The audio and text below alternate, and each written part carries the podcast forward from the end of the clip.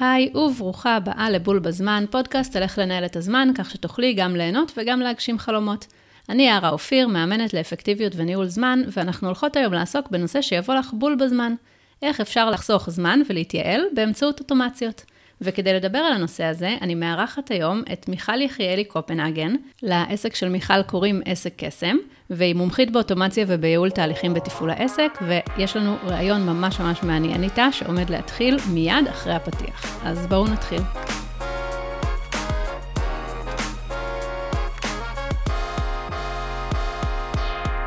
היי מיכל. היי יערה. מה שלומך? אה, מעולה, כיף אה, לדבר איתך ככה על הבוקר. יופי, כיף שאת כאן. אז uh, ככה, בואי תתחילי בלספר לי על עצמך, על העסק, כזה, מה זה בעצם העסק שלך, מה את עושה. מעולה. אה, אז אני מיכל יחיאלי קופנהגן, העסק שלי נקרא עסק קסם, ואני נותנת שירותי אוטומציה עסקית. אה, אוטומציה עסקית זה תחום שבגדול אומר בואי נעבור על כל הדברים שאת עושה בעסק, ונראה איך אפשר להפוך אותם ליעילים יותר, מסודרים יותר, ואוטומטיים יותר. אה, אני בכוונה אומרת את האוטומטים אחרון, כי הרבה מהתהליך איתי הוא קודם כל לעשות סדר באיך העסק שלך אה, מתנהל, עוד לפני שיש שם משהו אחד שקורה אוטומטית, כי בשביל שיהיה אפשר אחר כך להעביר את הדברים לאוטומציה, זה חייב לעבור דרך ליצור תהליכים ברורים ומסודרים. כשאנחנו קמות בבוקר ומחליטות מה אנחנו עושות היום ואיך אנחנו עושות את זה, זה אחלה, אבל אם אנחנו רוצות שאוטומציה תעשה את זה, הכל חייב להיות הרבה יותר קבוע, מסודר וברור מראש, כי אוטומציה לא יודעת להפעיל שיקול דעת. אז זה בגדול מה שאני עושה. ואיך הגעת לתחום הזה של אוטומציות? כמה זמן את עוסקת בזה? הגעתי מאוד מאוד במקרה. אה, אני מגיעה מעולם של אה, חינוך, הוראה, אה, פיתוח הדרכה, דברים כאלה. עבדתי אצל אח שלי במיזם, אח שלי גם היה בזמנו מורה והיה לו מיזם כזה של תוכן למורים ועבדתי אצלו בתור מין מנהלת פרויקטים אפשר לקרוא לזה והשותף שלו, אני אגיד את שמו כי מגיע לו, אוריאל הרצוג, חשף אותי בעצם לעולם של האוטומציה. חלק מהמשימות שהייתי צריכה לעשות שם היו קשורות לעבוד עם מערכת אוטומציה שעבדנו איתה אז, שנקראת זאפייר, וזה היה נורא מגניב. ואז אה, ראיתי שדודו ציזנר, שהוא אחד המובילים של תחום האוטומציה בארץ, פותח קורס הכשרה, וזה היה נראה לי כמו משהו מגניב ללמוד אותו, בלי שום כוונה לעסוק בזה. אה, יש לי ממש צילומי מסך של השיחות שלי עם דודו, שאני, לפני שנרשמתי, שאני אומרת לו, אבל אני לא רוצה להיות עצמאית, אז כאילו, שווה לי ללמוד את הקורס הזה, גם אם אני לא רוצה להיות עצמאית. אה, והוא כזה אמר לי, תשמעי, אין המון דרישה לאנשי אוטומציה שכירים, אבל כאילו, כן, יש פה ושם. ובקיצור, נרשמתי לקורס, long story short, הנה אני היום, אה, כמה אנחנו? ארבע... ארבע שנים אחרי, קצת יותר, זה היה בדיוק כזה, באמצע הקורס התחילה הקורונה, אז אני יודעת לחשב בערך אה, מתי זה היה. אז זה בהתחלה התחיל בתור משהו שאני עושה כזה במקביל אה, לעבודה שלי בתור שכירה, וברגע שהבנתי שזה מחזיק את עצמו מספיק טוב, אה, ומפרנס אותי מספיק טוב, ושאני מאוד נהנית מזה, אז הרשיתי לעצמי אה, לוותר על הכובעים האחרים ולעשות רק את זה. מהמם, איזה, איך אני אוהבת סיפורים כאלה. אם היית מדברת איתי שלפני חמש שנים, הייתי אומרת לך, אבל אני לא אהיה עצמאית, אף פעם. והיום אני, כאילו, יש לי מדי פעם מחשבות של, hmm, האם אני אי פעם אצליח לחזור להיות שכירה, כאילו, מנטלית. Uh, באמת אחרי שאת עושה את המעבר הזה, אני לא יודעת אם אפשר לחזור אחורה, אני לא יודעת אם אני יכולה לחזור אחורה. כן, מגניב מאוד, אז אה, ממש אה, כזה יש לך את ה, את ה... גם סקרנות וגם את התשוקה לכל העניין הזה של האוטומציות ו... שהתעורר בך אז, ומהמם, איזה כיף. אני אשאל אותך כזה, למי שמאזינה לנו ולא מכירה, או חלקית מכירה, או כאילו, תתני לי כזה הגדרה, כמו שהיית אומרת לילדים בבית ספר כזה, מה זה תכלס אוטומציות? מה זה אומר? אוקיי, okay, אז מעניין, כי דווקא יצא לי להסביר את זה לילדים שנה שעברה, אבל אני לא זוכרת באיזה הסבר השתמשתי, אז אני אשחזר אותו uh, כרגע מה, מה, ממה שיש עכשיו.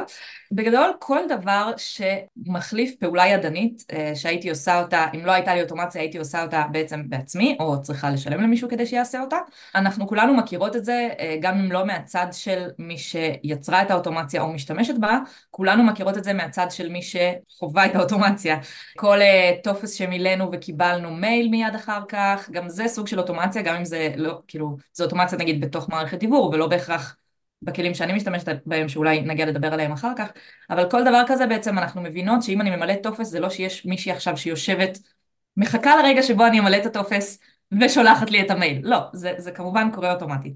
כן. אז אה, אם לא היה את הפתרון הזה של, אה, של מערכות דיבור, של טפסים ושל אה, סדרת דיבור אוטומטית, לא היה מתאפשר לעשות את הדבר הזה, כי לאף בעלת עסק אין זמן לשבת עכשיו היא מריצה קמפיין ולשלוח עכשיו עשרות או מאות אה, מיילים באופן ידני. אז אני אומרת את זה דווקא בתור דוגמה לאוטומציה שהיא לא נחשבת, היא לא נחשבת כמעט אוטומציה, אבל גם זה בעצם משהו שקורה אה, אוטומטית וחוסך לנו את הצורך לעשות את זה ידנית, ובעצם זה לא רק חוסך, זה מאפשר משהו שאם הייתי צריכה לעשות אותו ידנית הוא לא היה קורה.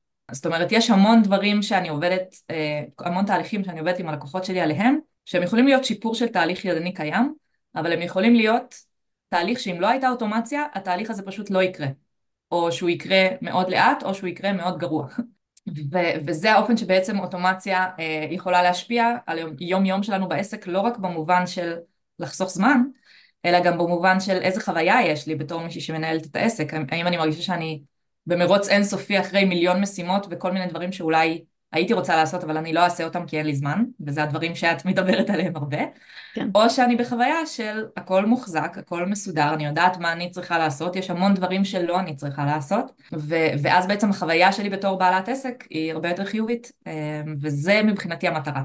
זאת אומרת, הסלוגן של העסק שלי זה אוטומציה לעסקים עם נשמה, אה, זה גם איזושהי קריאת כיוון מבחינתי לאיזה עסקים אני רוצה לעבוד איתם, אבל זה גם קריאת כיוון המטרה של כל הדבר הזה זה שיהיה לנו יותר טוב אה, ושאנחנו נרגיש יותר טוב בעסק שלנו ונוכל לתת את השירות ובעצם את הדבר שלשמו פתחנו את העסק בצורה הכי טובה וכל המסביב או לפחות הרבה מהמסביב לא יציק לנו כל הזמן. אני ממש מתחברת לזה, כי גם אני, תמיד כשאני מדברת על אה, מטרות, כאילו מה אני רוצה, בתור בעלת עסק ובתור אה, בת אדם באופן כללי, זה להיות רגועה. כאילו כל פעם שאני כותבת לעצמי מטרות שנתיות, יש בתוך המטרות השנתיות להיות יותר רגועה. ואני מקווה שאני מצליחה לאט לאט, אבל אני חושבת שבאמת הדבר הזה שאני יודעת שיש דברים שקורים בלי שאני, שאני צריך לגעת בהם כל הזמן, זה יכול מאוד מאוד להעביר רוגע לעסק. וגם כמו שאת אומרת, לפנות לי זמן, לעשות את הדברים שהם ממש דורשים את המוח הספציפי שלי, המוח היצירתי שלי, החשיבה המקורית שלי, היכולת כתיבה, יכולת יצירה, כל הדברים האלה, בעוד דברים כמו לשלוח מיילים, לשלוח זימונים, קבלות, כל מיני דברים בסגנון הזה, כאילו כל אחד, זאת אומרת לא צריך אותי ספציפית בשביל לעשות את זה, ואם אפשר להוציא את זה למערכת אוטומטית אז, אז מה טוב. לגמרי. אז אני מאוד מתחברת לזה, וזה באמת הסיבה שככה מאוד הגיוני לדבר על אוטומציות בהקשר של ניהול זמן, כי זה באמת מתחבר מאוד מאוד בצורה ישירה אחד לשני. לגמרי, וגם אני כל שנה אומרת לעצמי, השנה אני אהיה אדם רגוע יותר. אני לא יודעת אם זה מצליח, אולי במצטבר איכשהו כן, אבל uh, אני מבינה את זה מאוד. כן, אני קלטתי שאנחנו דומות בכל מיני דברים. אז uh, כן, בסוף זה יצליח. כל עוד זה נשאר כמטרה, אנחנו לא מוותרות אף פעם. פשוט זה תהליך. כן. אוקיי, אז אני, יש לי עסק, ואיך אני יודעת שהגיע הזמן לשלב אוטומציה באיזשהו תהליך שקיים בעסק שלי. ובאמת את, את אמרת כאילו שיש את האוטומציות שלא היו קורות, אם לא היו, דברים שלא היו קורים אם לא הייתה אוטומציה, אבל איזה דברים שכן קורים, למרות שאין לי אוטומציה, כדי, איך אני יודעת להעביר אותם לאוטומציה? מעולה. איך אני מזהה את זה? מעולה. אז בגדול, אה, בשביל שתהליך יוכל להתאים לאוטומציה, הוא צריך קודם כל להיות אה, תהליך מאוד קבוע וברור, כמו שאמרתי קודם. אה, ניקח לדוגמה משהו פשוט נגיד, כמו תהליך של גבייה. זה נשמע כמו משהו פשוט, אבל לפעמים כשאני עובדת עם מישהי על התהליכי גבייה שלה, אז אני אומרת לה, אוקיי, אז איך משלמים לך? מתי משלמים לך? ואז מתחיל סיפור אלף לילה ולילה של בדרך כלל אני גובה לפני זה מקדמה של 20% אבל לפעמים לא ואז בדרך כלל התשלום הראשון יהיה אחרי הפגישה הראשונה, אבל לפעמים אנחנו בפגישה הראשונה עוד לא מגיעים לזה, אז בפגישה השנייה, אוקיי, סטופ. אה, כדי שהתהליך הזה יוכל להיות אוטומטי, אנחנו צריכות קודם כל להגדיר את האבני דרך של התהליך, באופן שגם אם את לא מעורבת בשום, אה, שוב, שיקול דעת אנושי שאת מפעילה, זה משהו שהאוטומציה תוכל לנהל אותו. זה לא אומר שזה צריך להיות 100% אוטומטי, יכול להיות שבסוף זה יהיה את שתלחצי על איזשהו כפתור בזמן מסוים כדי להפעיל את האוטומציה, אבל אם אנחנו מתחילות להיכנס לנגיד חמישה מודלים שונים של חלוקת התשלומים והתזמונים שלהם ומה צריך להופיע בחשבונית, זה פשוט לא נצא מזה. אז השלב הראשון זה ליצור איזשהו תהליך שהוא אחיד, קבוע, שוב, יכולים להיות בו פיצולים, יכול להיות שפרויקטים מסוימים יהיו גבייה 50% בהתחלה, 50% בסוף, ופרויקטים אחרים יהיו 100% בסוף. סבבה, אבל לא מתפצל ל-700 אפשרויות. אז ברגע שיש איזשהו תהליך כזה, שהוא מצד אחד קבוע וברור ואחיד, או שאפשר להפוך אותו לכזה, ומצד שני, או שזה אותו צעד, אני לא יודעת, זה לא משהו שכיף לך לעשות. אה, אם זה דברים שכיף לך לעשות, תשבי עליהם יומיים גם. אין, אני לא חושבת שיש בעיה עם זה, בלהשקיע את הזמן במשהו שבאמת אה, מסב לך הנאה, ואו נותן לך, אה, נותן, עושה אימפקט, אימפקט משמעותי על העסק. אבל הדברים שהם לא מהסוג הזה, לא מסבים הנאה, או מסבים הנאה אבל לוקחים המון זמן, או יש להם השפעה משמעותית על העסק, אבל פשוט אין לך כוח לעשות אותם. כל הדברים האלה זה, זה מקום מאוד טוב להתחיל בו. אה, דודו שאצלו למדתי קורא לזה עם הלקוחות שהוא עובד אצלם, אה, שהוא עובד איתם ישיבת עצבים, הוא עובד עם חברות גדולות, אז הוא אומר פשוט תושיבו את כל העובדים שלכם בחדר אחד ופשוט תעשו רשימה של כל מה שמעצבן אותם לעשות. אני עובדת עם עסקים קטנים, אז טוב, אפשר לעשות את הישיבת עצבים הזאת עם עצמך, אה, ולנסות לחשוב איזה משימה, כשאת רואה אותה ברשימת משימות שלך להיום, את אומרת לעצמך, אוף, אין לי כוח עכשיו לשבת להוציא קבלות, אין לי כוח כן. עכשיו לשבת לסגור חודש, אין לי כוח עכשיו לשבת לשלוח פולו-אפים. זה ממש מקומות טובים להתחיל מהם. אפשרות נוספת, אגב, זה, וזה גם קורה לפעמים, למרות שזה התהליכים החריגים יותר, אה, אם יש איזשהו משהו שאת רוצה לפתח אה, בעסק, דווקא איזשהו משהו חדש, שירות חדש או אה, אפיק חדש, ואת אומרת לעצמך, אני יודעת שאני רוצה להשקיע בדבר הזה, אבל זה ידרוש ממני כרגע המון המון עבודה והתעסקות, ולכן אני לא עושה את זה. אז לפעמים אוטומציה יכולה דווקא לפתור את כל הפינות הקטנות האלה של ה... אמ, שוב, ליצור את התהליך הזה שהוא ברור ואחיד ושכמה שפחות דברים את צריכה לעשות, אה, זה יכול דווקא לאפשר לך לפתח את הכיוון הזה יותר בקלות, כי את פחות צריכה להתעסק ב...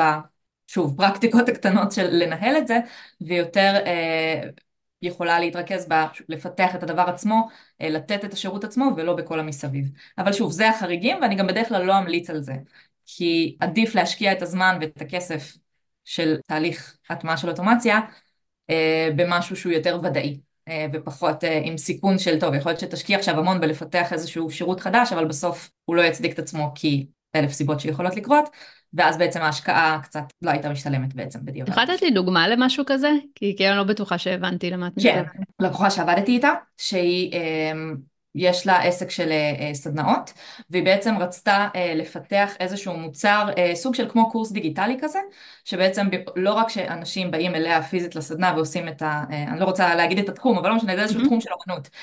במקום שאנשים רק יבואו אליה ויעשו את הסדנה, היא רצתה ליצור בעצם קורס דיגיטלי שיש בו בנקודות מסוימות גם ליווי שלה. אבל הרבה צפייה בסרטונים והרבה בעצם עבודה אישית של מי שרוכש את הקורס על הפרויקט אומנות הזה.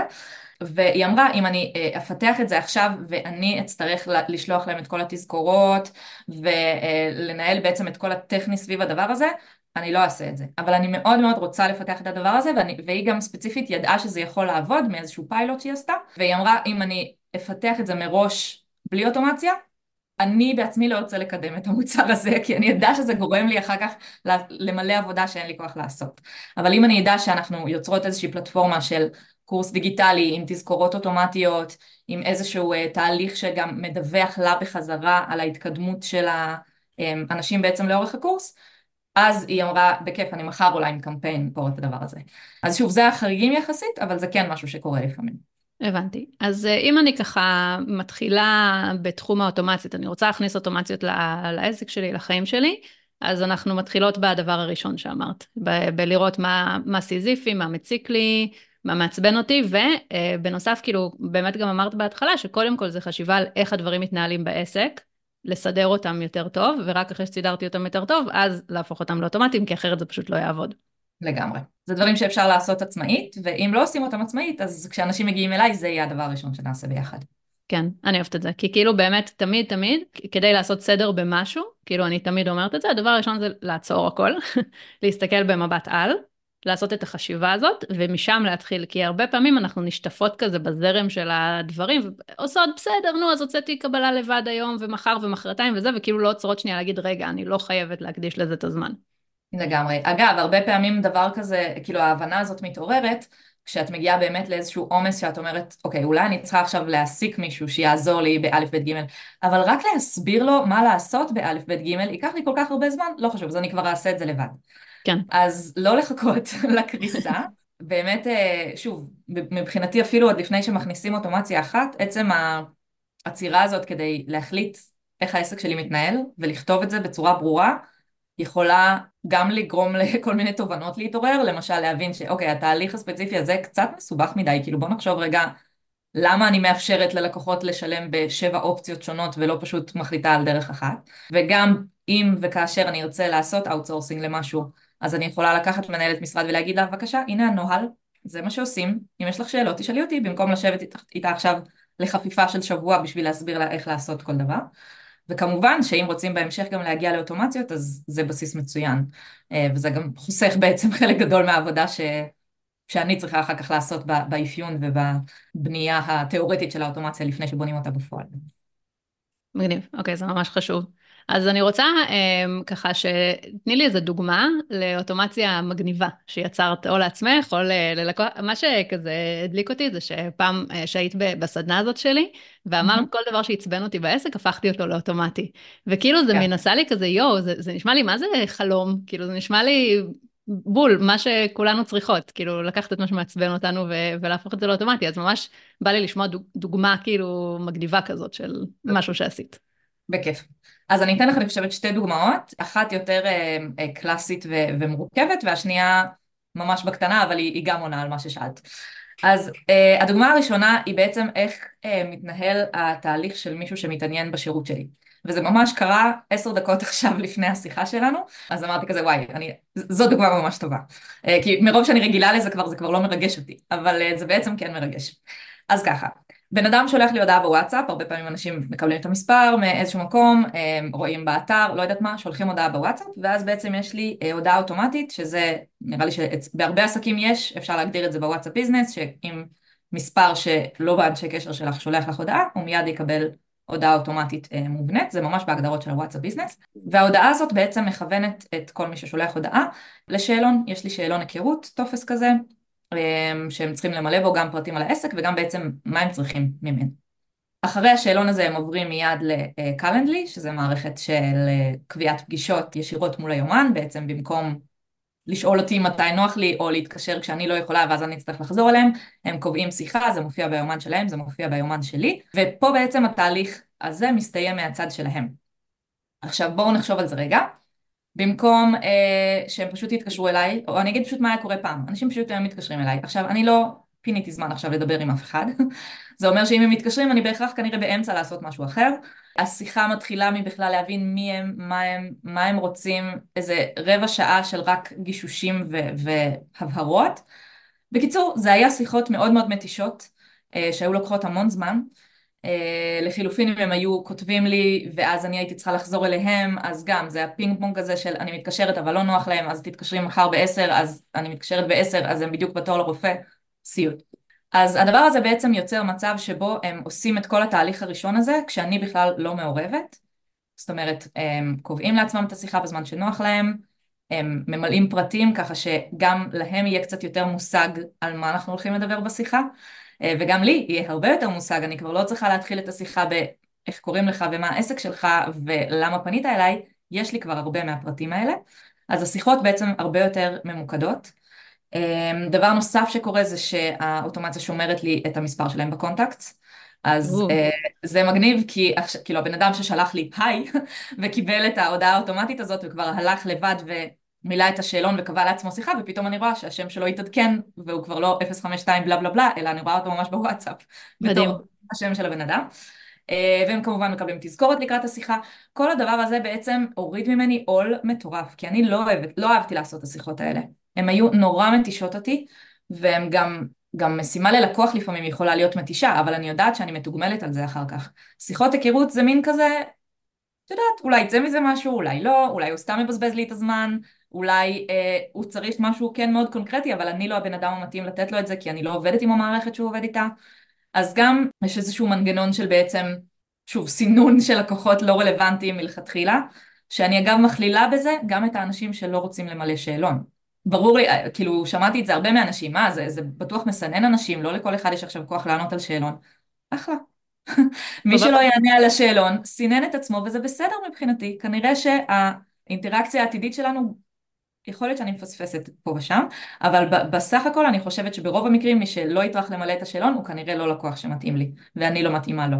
וזה בסדר, אין לי בעיה לסנן אנשים, עדיף לי מאשר לבלות איתם חצי שעה בטלפון ורק אז להבין שהם לא לקוחות רלוונטיים בשבילי. נכון. אז היום זה מאפשר לי פשוט לעשות את השיחות האלה ממש בכיף, אני מגיעה אליהם הרבה יותר מוכנה, וגם הצד השני, הם מקבלים מידע עליי עוד לפני השיחה. גם מה, מהשאלון, מהאופן שבו השאלות מנוסחות, מהחוויה שהוא מנסה להעביר אותם.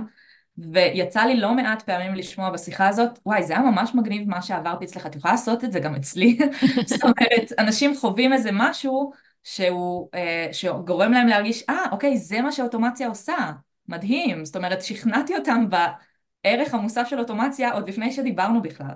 אז זה מבחינתי תהליך קלאסי שאני מטמיעה אותו הרבה אצל אה, כל מיני נותנות שירות שהוא בתחומי, לא יודעת, משיווק דיגיטלי ועד ייעוץ ו- וכל העולמות האלה בעצם שאנחנו, כדי להבין האם לקוח מסוים מתאים לנו ואנחנו מתאימות לו, יש איזה תהליך כזה שצריך לעבור, אז באמת אה, מתוך מחשבה איך לעשות את התהליך הזה כמה שיותר נעים ופשוט לשני הצדדים, אה, ליצור חוויה טובה גם ללקוח וגם לי.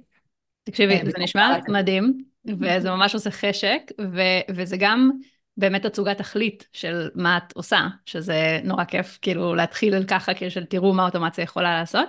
אני יכולה להגיד לך שאצלי יש לי uh, תהליך ייעוץ שנקרא טארגט, שמי שנרשמת אליו משלמת בדף נחיתה, ואז מקבלת uh, לינק לקלנדלי ומייל עם שאלון. עכשיו זה, זה כאילו תהליך קצת יותר מסורבל ממה שאת אמרת, אבל הוא עדיין כזה אוטומטי, זאת אומרת מהרגע שהיא משלמת היא... כל מה שנשאר לנו זה לעשות את השיחה, כאילו לא צריך uh, לקבוע איתי, לא צריך לתאם איתי, לא, לא צריכה לשלוח שום דבר, זה נורא נורא נוח. והרבה פעמים באמת כאילו אנחנו מתחילות את השיחה במה זה היה, אני רוצה כזה גם, כאילו. מדהים. כן. כן, אני יכולה להגיד לך גם שאצלי, שוב זה שונה כי זו שיחה אה, חינמית ולא משהו בתשלום, אבל פעם השאלון לא היה חובה, זאת אומרת פעם הצעד הראשון היה קלנדלי, ואז הם היו מקבלים את השאלון, מי שרצה מלב ומי שלא לא. ופשוט קלטתי שאני סובלת מהשיחות האלה. כי לפעמים שוב, עד שאת מבינה בכלל מי זה ומה הוא רוצה, והוא מתחיל לספר לך את כל ההיסטוריה של העסק שלו, ואת כבר 20 דקות לתוך השיחה ועוד לא הגעת ל, אוקיי, מה אתה צריך ממני? ואז הוא אומר אה, שהוא עובד עם איזושהי מערכת שקר כלשהו שאין לה בכלל אינטגרציות החוצה, אז זה לא רלוונטי ואין לי שום דבר שאני יכולה לתת לו. אז שוב, ההחלטה הייתה לבנות את התהליך באופן הזה, עם המחירים של זה, שוב, שזה אולי מסנן אנשים, זה אולי גורם לאנשים לפעמים תחושה של, אה, לא יודעת, איזה סרבול, כי יהיו את האנשים שיכתבו לי פשוט, תתקשרי אליי. אני לא אתקשר אליה.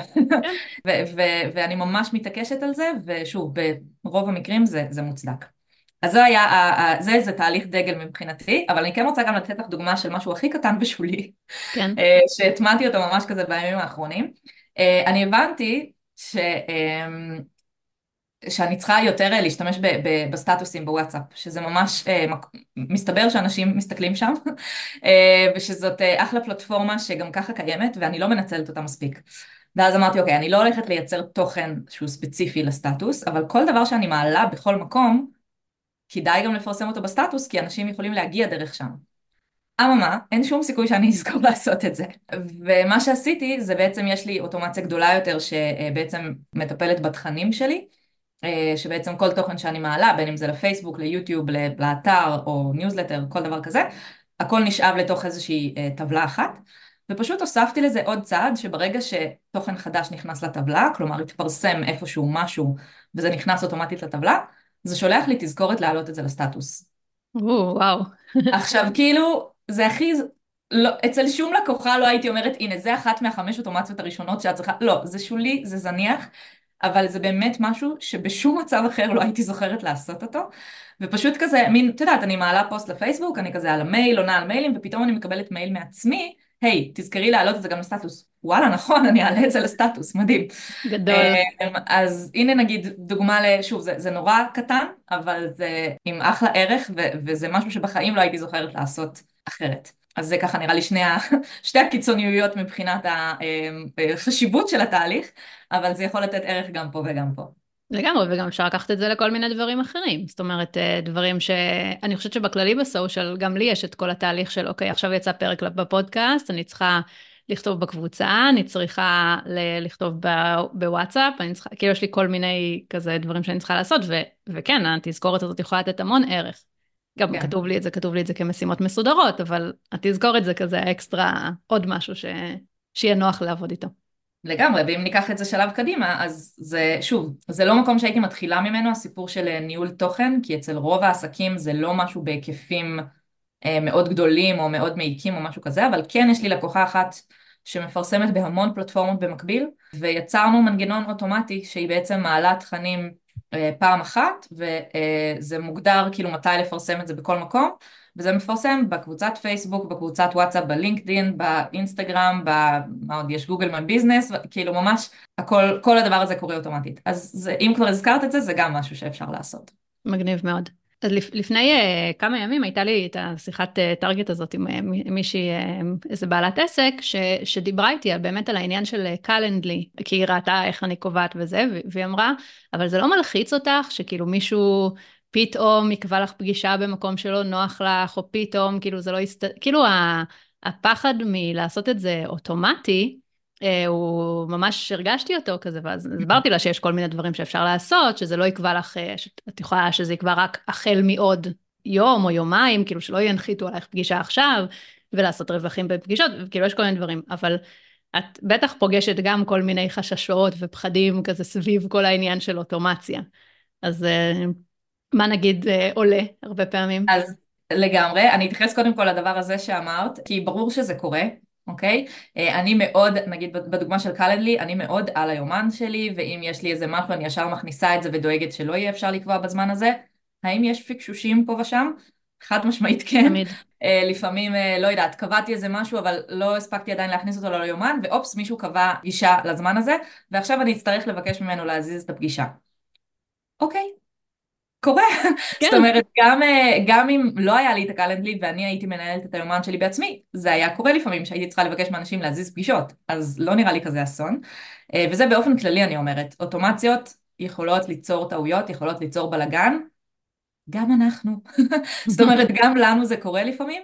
זה נכון שלפעמים פאשלות של אוטומציות יכולות להיות בקנה מידה קולוסלי, זאת אומרת הסיכוי שאני אשלח בטעות הודעת וואטסאפ למאה אנשים שלא אמורים לקבל את ההודעה הזאת לא מאוד סביר, הסיכוי שאוטומציה תעשה את זה יותר סביר, זה יכול לקרות, ו- וזה קורה. אין כמעט לקוח שלא היה לי איתו בשום שלב שום פשלה, לא תמיד בגללי, לפעמים הוא עשה משהו לא נכון ש... שיצר תקלות, אבל רוב הלקוחות לשמחתי הרבה מכילים את זה, ו- ובתהליכים שנוגעים לדברים מאוד מאוד רגישים כמו כספים או, או דברים כאלה, אז אנחנו נעשה עוד יותר טסטים ועוד יותר בקרות ועוד יותר פעמים נוודא שהכל עובד כמו שצריך, עדיין ייתכנו פשלות פה, פה ושם. אז אה, אני תמיד אומרת, כאילו לאוטומציות יכולות, אה, מה זה יכולות להיות? יש תקלות ובעיות, אבל גם לנו בתור בני אדם יש תקלות ובעיות. ההבדל הוא שאוטומציה, אם פעם אחת תיקנתי את התקלה, זה לא יקרה יותר. אה, בעוד שאנחנו אה, משום מה נוטים לעשות את אותם טעויות שוב ושוב. אז, אז זה דבר אחד. חשש שאני פוגשת הרבה זה שאנשים חוששים, שוב, בעיקר בסוג העסקים שאני שואפת לעבוד איתם, שזה עסקים עם נשמה, אה, של אנשים שבאמת מאוד מאוד בתוך מה שהם עושים ומאוד חשובה להם האיכות של השירות שלהם והחוויית לקוח הטובה, הרבה פעמים יש חשש שהאוטומציה תיצור תחושה רובוטית. קרה, אם אני לא, ו- וסליחה אני מקצינה את זה רגע בציניות, בסדר? אבל אם אני לא אשב ואשלח באופן אישי הודעה אישית לכל אחד מזה, אז כאילו זה ייראה אוטומטי. עכשיו, אני מבינה את זה, ו- ולפעמים זה באמת ככה. אני יכולה להגיד לך שאני עכשיו שלחתי, אה, יש לי קורס שאני פותחת עוד מעט, והיום מסתיימת ההרשמה המוקדמת, אז שלחתי עכשיו הודעות, לא באוטומציה, שלחתי הודעות אישיות לכמה אנשים שהתעניינו, פשוט להגיד להם שההרשמה המוקדמת מסתיימת, ומישהו כותב לי, אפשר די עם ההודעות האוטומטיות האלה? ואני כאילו, זה לא הודעה אוטומטית, זה אני שלחתי לך באמת, ממש בעצמי הקלדתי ושלחתי, אז זה ככה. לפעמים אנשים יחשבו שזה אוטומציה גם כשזה לא, אבל אה, אני יכולה להגיד שבאמת השאיפה שלי בכל תהליך שאני בונה, בין אם זה לעצמי או ללקוחות שלי, זה לעשות את זה בצורה הכי אנושית אה, ונעימה שיש, אה, ובמקומות שבהם לא מתאים שאוטומציה תעשה משהו, אז היא לא תעשה אותו. אני אתן דוגמה, יש לי לאורך התהליך בעצם מול הלקוחות כל מיני מיילים שאני צריכה לשלוח, מייל בהתחלה, מייל אחרי הפגישה הראשונה, מייל בסיכום, כל מיני דברים כאלה. אני, אני אף פעם לא שולחת את המיילים האלה באוטומציה. אני בחיים לא אוציא ללקוח פעיל שלי מייל שיצא באופן אוטומטי, זה לא יקרה. אבל מה שאני כן עושה זה בעצם יש לי אוטומציה שמייצרת לי טיוטה, טיוטת מייל בעצם בג'ימייל, על בסיס איזשהו template שהכנתי, אה, ואז אני נכנסת, עורכת אותה, משנה מה שצריך, מוסיפה מה שצריך, מורידה מה שלא רלוונטי ושולחת. אז שוב, אף פעם לקוח פעיל ו- וחי שאנחנו בקשר לא יקבל ממני מייל אוטומטי. אבל, אבל התהליך הזה של היצירה של הטיוטה על בסיס template קבוע, חוסך לי את הכל פעם לחפש למי פעם שלחתי מייל כזה, להעתיק אותו, לשנות, אוי שכחתי לשנות את השם, פדיחה, שלחתי לשמוליק אה, מייל עם היי דני. או היי דנה. כן, אז בקיצור, אני באמת חושבת שאם בונים את זה נכון וטוב, בצורה שבאמת מתאימה לעסק ולאיך שהוא מתנהל ול-vibe שאת רוצה להעביר בתור בעלת עסק, אין שום סיבה שזה יגרום תחושה קרה או אוטומטית. שוב, תמיד יהיו את אלה שזה לא יתאים להם, תמיד יהיו את אלה שאת תשלחי להם לינק לקלנדלי והם יהיו כאילו מין, פשוט תתקשרי אליי, מה, למה צריך לקבוע ביומן. אבל בסדר, אה, אי אפשר לרצות את כולם, בדיוק נכון. הוצאתי על זה ניוזלטר אתמול, ואם אני מרצה, אה, או לא מרצה, אם, לא יודעת, 90% מהאנשים שאני באינטראקציה איתם מקבלים תחושה טובה, אז אני מוכנה אה, להבליג על העשרה אחוז האלה שזה לא יתאים להם. אז, אז זה ברמת החששות. עוד חשש שאני לפעמים פוגשת זה שזה נשמע לאנשים נורא נורא מסובך. ובנקודה הזאת אין לי יותר מדי מה להגיד, זה לפעמים באמת יכול להיות מסובך, אבל הערך המוסף של זה אין לי דרך לתאר אותו. זאת אומרת, אם זה אה, לקוח שלא יודעת, עבד על איזה שמונה אקסלים שהוא כל היום היה עסוק רק בלהעתיק שורות מפה לפה, והיום הוא יכול ללחוץ על כפתור וכל מה שהוא צריך שיקרה קורה, אז כן, זה היה מאוד מסובך להגיע לשם, וזו הייתה עבודה של כמה חודשים, והשקעה לא קטנה של כסף, אבל ההשפעה על, על איכות החיים היא מטורפת. אני חושבת על מה שאמרת קודם, של כאילו החשש שזה יהפוך לרובוטי, הרי בעצם אני בתור בעלת עסק, אני רוצה שמרבית הזמן שלי תהיה מוקדשת ללקוחות שלי, ללדבר איתם, ללתת להם מענה, ללחשוב על פתרונות יצירתיים עבורם, ליצור קורסים חדשים, ליצור אה, תכנים חדשים. זה, גם אמרתי את זה קודם, זה הדבר שהמוח שלנו עושה הכי טוב. וברגע שמתפנה לנו הזמן אה, להתעסק בדברים האלה, אז דווקא העסק שלנו נותן יותר, כאילו נותן יותר ערך. והאם אני לא צריכה לחשוב עכשיו על, אה, אני צריכה לשלוח את ההודעה הזאתי, לכתוב את המייל הזה, להוציא את הקבלה הזאתי, שזה סוג הדברים שזה לא המהות של השירות שאני רוצה לתת, כאילו זאת לא הנשמה, כמו שאת uh, מגדירה אותה, אז, אז אני חושבת שדווקא באמת המענה על זה, שזה יהפוך לרובוטי, לא, זה יפנה לי את הזמן להיות הרבה יותר אנושית ופנויה ללקוחות שלי. נכון. הרבה מהתהליך זה גם בדיוק לעשות את ההפרדה הזאת, להבין מה הדברים שבאמת את חייבת לעשות אותם, ואם את לא תעשי אותם הם לא יקרו כמו שאת רוצה שהם יקרו, לבין כן. הרבה מאוד מסביב שממש לא חובה שאת תעשי. מגניב. אז אה, טוב, עכשיו אני רוצה ככה שניכנס אה, לטיפים פרקטיים, לעכשיו, אוקיי, אני לא מומחית ואני לא יודעת להשתמש במייק או בזאפייר או כל מיני דברים כאלה, אבל אני כן, או שאולי כדאי לי ללמוד, אני לא יודעת. אבל אני כן רוצה להכניס אה, אוטומציות לעסק שלי. אז, או כל, כאילו כמובן כל מי שמאזינה. אז מה, גם אם אני לא נעזרת באשת מקצוע ולא לומדת עכשיו איזשהו כלי שהוא סופר מורכב, מה כן נגיש לי בתור אה, בעלת עסק כדי uh, לעשות אוטומציות? מהמם. אז טוב, קלנדלי כבר עלתה פה הרבה, אבל זה באמת אחד הדברים הראשונים שאני אומרת לכל מי שצריכה לקבוע, בין אם זה שיחות עם אנשים שמתעניינים, או כל מיני פגישות בתוך לו"ז עבודה עם לקוחות, זה מבחינתי רק הדבר הזה זה life changer ברמות, כאילו אין דבר שיותר שנוא עליי מה... את פנויה מחר בעשר, לא אני פנויה רק מ-11, טוב אז את בשלישי, אז את ברביעי, אז, אז כאילו מה, למה בזבזתי עשר דקות מהחיים שלי עכשיו על לקבוע זמן ביומן. אז זה באמת גם כן סוג של אוטומציה שהיא אה, לא דורשת עקומת למידה מאוד משמעותית ולא דורשת עוד מערכות. לדעתי אפילו יש לי סרטון בחשבון יוטיוב שלי על, אה, בערוץ יוטיוב על אה, איך לפתוח חשבון בקלנדלי, אני מקווה שהוא מעודכן אז אפשר להיעזר בו אם אה, מישהי צריכה. ויש גם כל מיני כלים בתוך מערכות שאנחנו כבר משתמשות בהם. לצורך העניין הכי פשוט, ג'ימייל.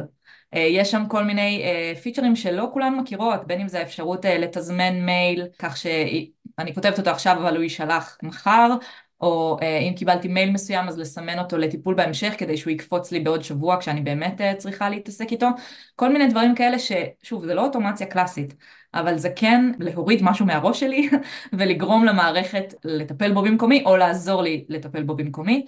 אה, גם בתוך מערכות דיבור יש את כל הדברים האלה, יש הרבה פעמים אוטומציות, שוב, שכולנו מכירות של נראה לי, של לבנות סדרת מסרים, או אה, ברגע שמישהי מצטרפת לרשימה, נגיד אם יש לי רשימה של מתעניינות במוצר מסוים ורשימה של רוכשות, אז לדאוג שכשמישהי רוכשת להסיר אותם מהרשימה של המתעניינות, אוקיי? כל מיני דברים כאלה שלא צריך לדעת כלי אוטומציה בשבילם, ונגיד פה, זו דוגמה ממש טובה לחוויית לקוח לא טובה, כי אה, אני רכשתי איזשהו קורס לא מזמן, ופשוט המשכתי כל הזמן לקבל מיילים של בואי תצטרפי לקורס, בואי תצטרפי לקורס, ואני כאילו, אני כבר בקורס, כאילו, תפסיקו לשלוח לי את המיילים האלה, ואדרבה, אני אומרת, אם כבר, אז תפלחו מי רכשה ומי לא רכשה, ואם אני רכשתי, אז תכתבו לי במקום בואי תצטרפי לקורס, שכבר הצטרפתי, תכתבו לי, אולי גם את רוצה לצרף חברה שלך, ולא יודעת מה, לקבל איזה הטבה, כאילו תפנו אליי.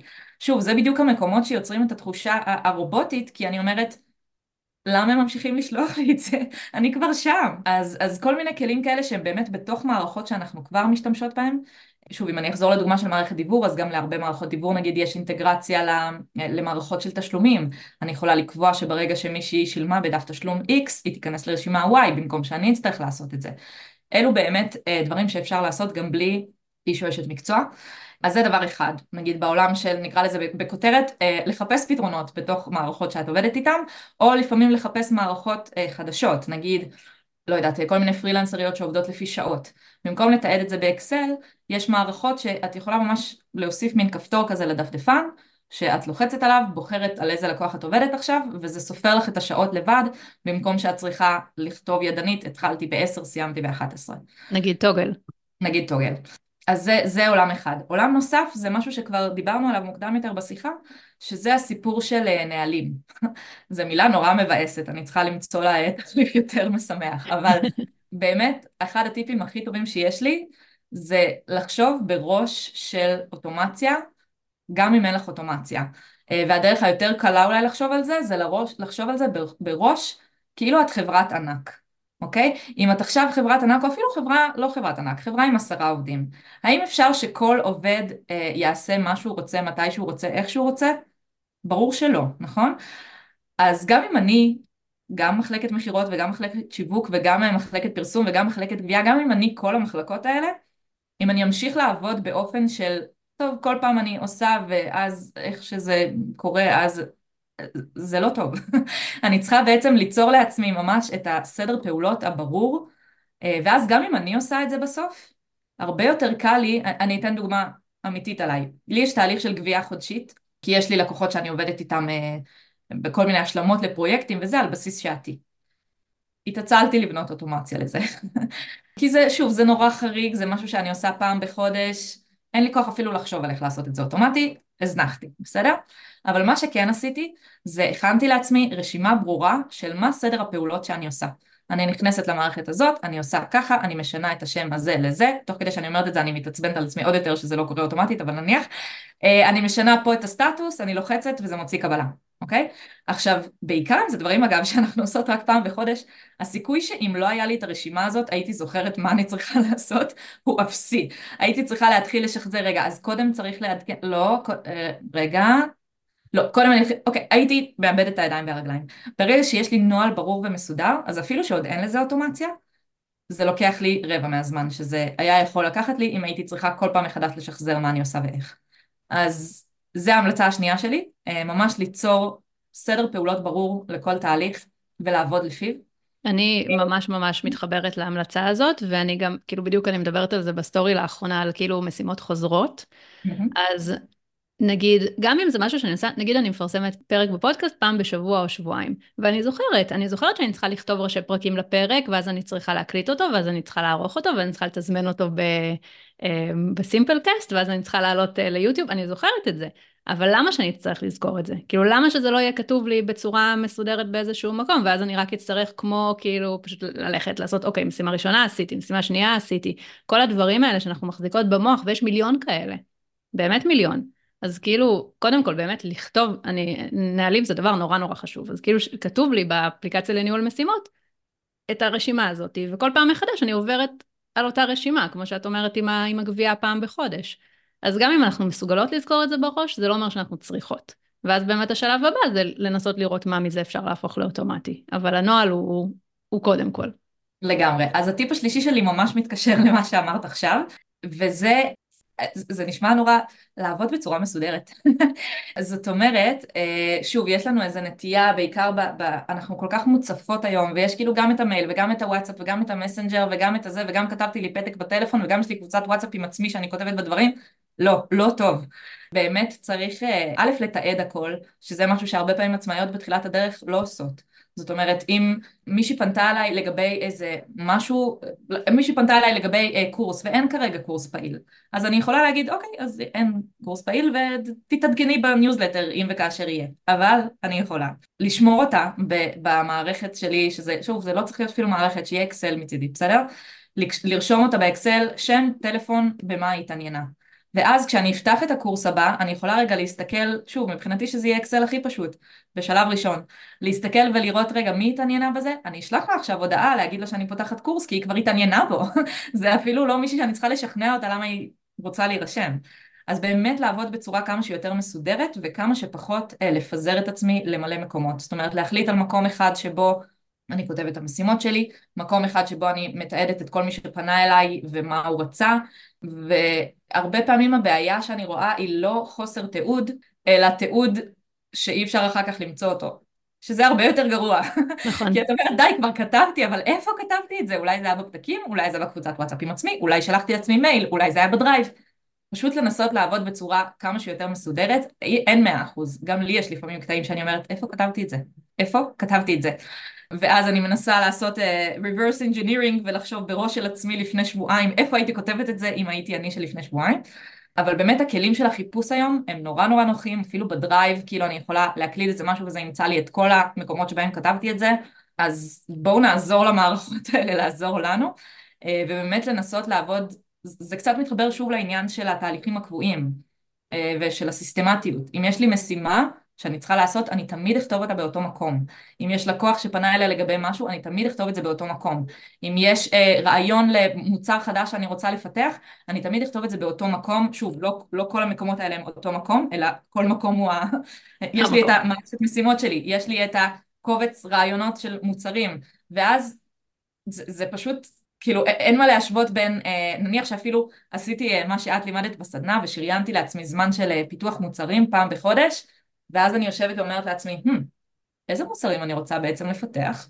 לא, יש לי רשימה שפשוט כל פעם שעולה לי רעיון אני זורקת אותו לשם ואני יודעת למצוא אותה שם כשאני אצטרך אותה, אז פשוט, זה שוב, זה, זה, זה טיפ אפור ומשעמם ולא כיפי, אבל הוא יכול לשנות לגמרי את כל החוויה של איך אני מתנהלת בחיים, אגב, לא רק בעסק, גם בדברים uh, פרטיים של ניהול האופרציה הזאת שנקראת החיים שלנו.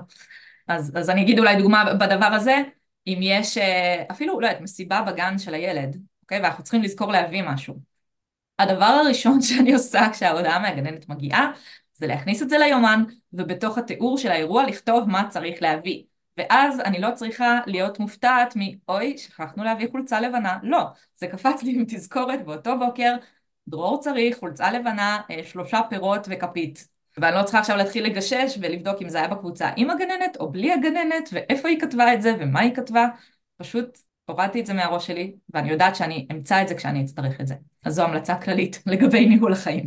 זו המלצה סופר סופר חשובה, כאילו גם כי אנחנו הרבה פעמים לא מבינות שהמשימות שלנו, גם אם לא נכתוב אותן במלא, משימות, במלא מקומות שונים, הן נמצאות במלא מקומות שונים, הן נמצאות במייל, הן נמצאות בוואטסאפ, הן נמצאות בראש שלנו, ו...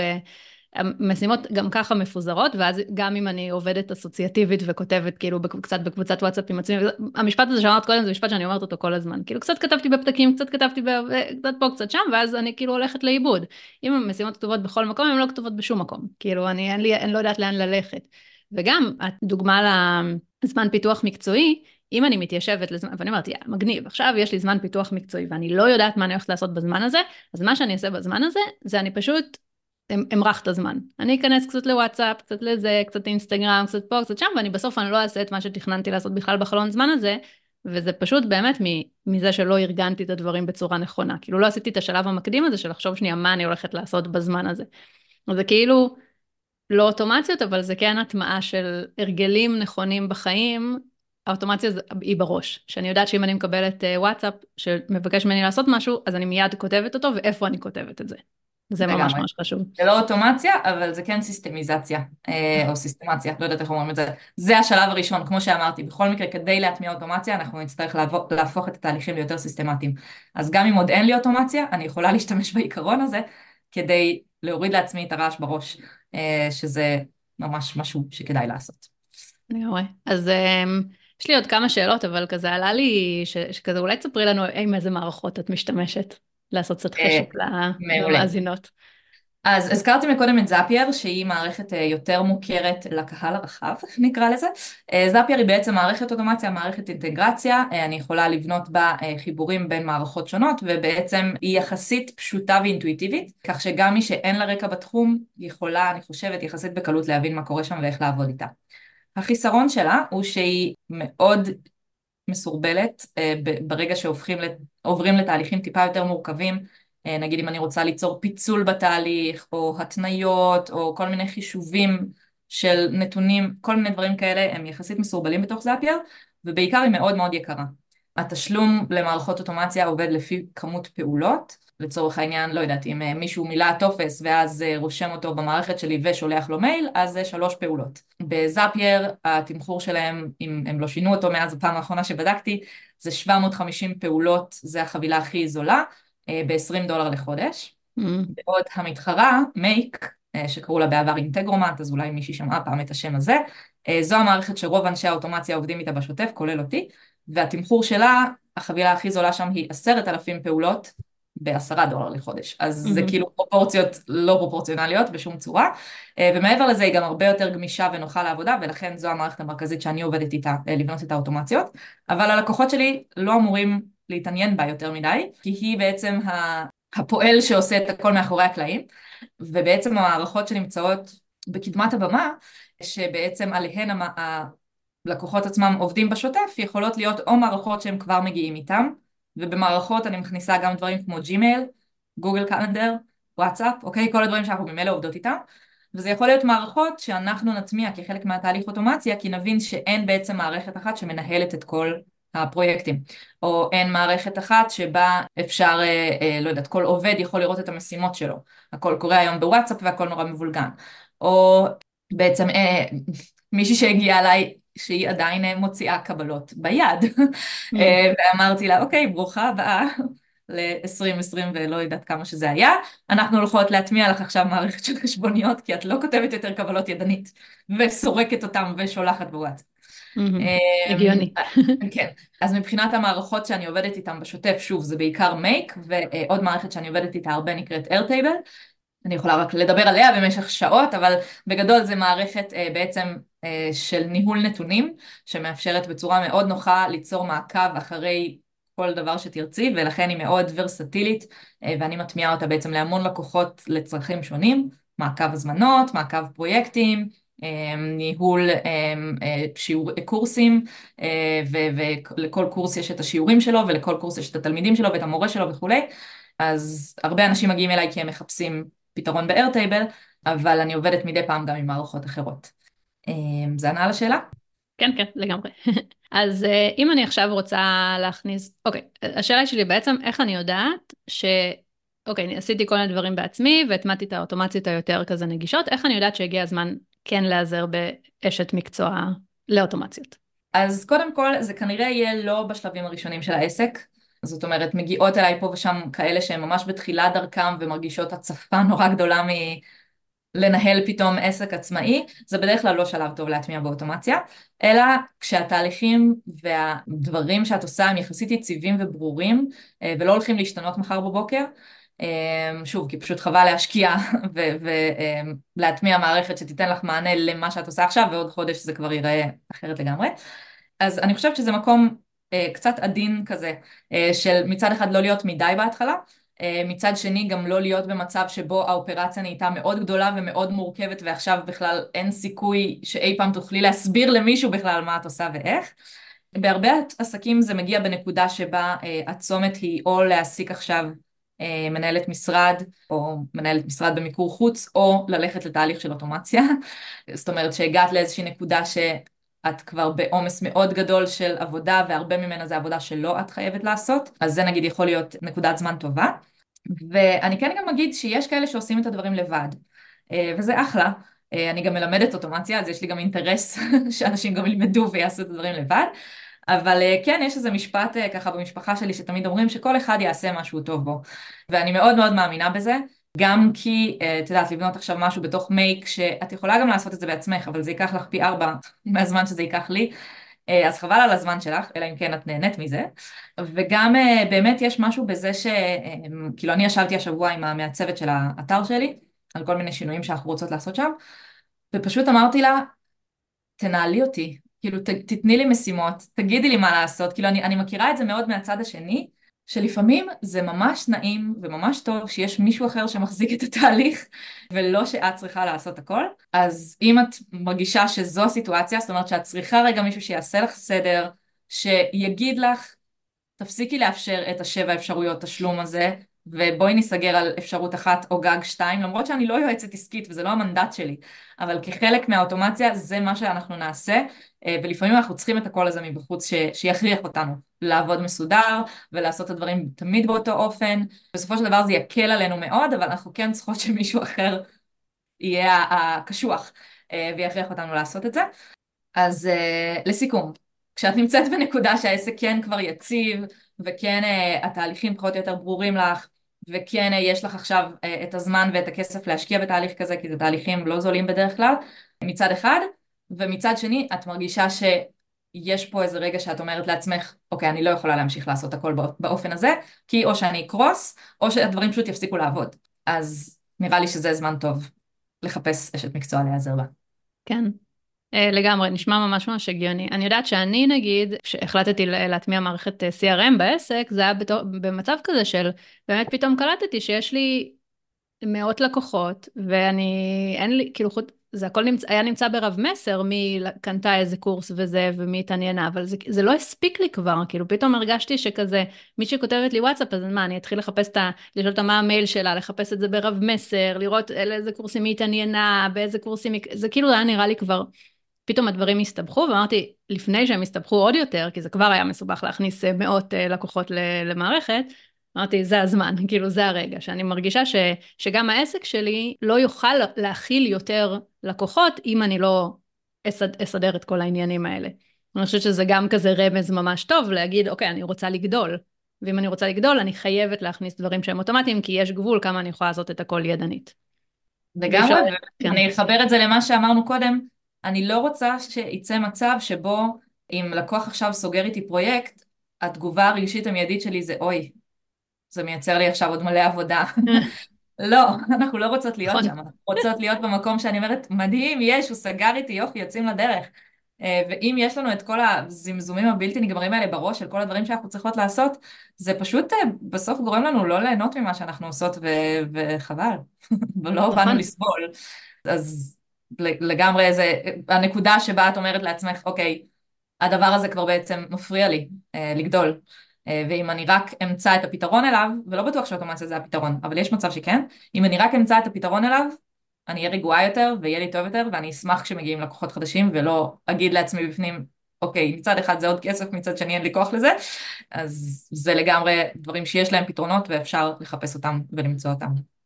מהמם. אז לפני שאני אשאל אותך אם יש אה, לך שאלה לסיום לסיכום, השאלה שכתובה לי אחת לפני האחרונה זה איך כל זה, איך כל זה קשור להמילטון.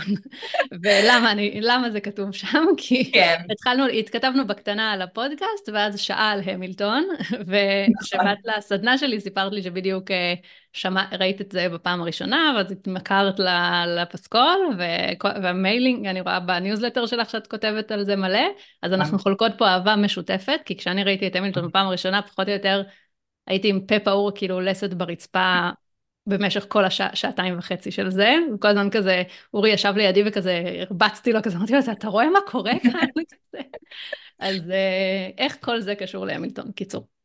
אז uh, כתבתי ניוזלטר על זה האמת וגם מאמר באתר, אבל אני חושבת שזה נורא מתחבר לסיפור של הנשמה פה. כי העסק שלי הוא עסק לאוטומציה, זה יכול להישמע נורא, שוב, אפור ו- ו- וטכני וקר, ואני גם רואה את זה שהרבה פעמים התפיסה של התחום, אפילו בידי מי שעושה אותו, היא כזו.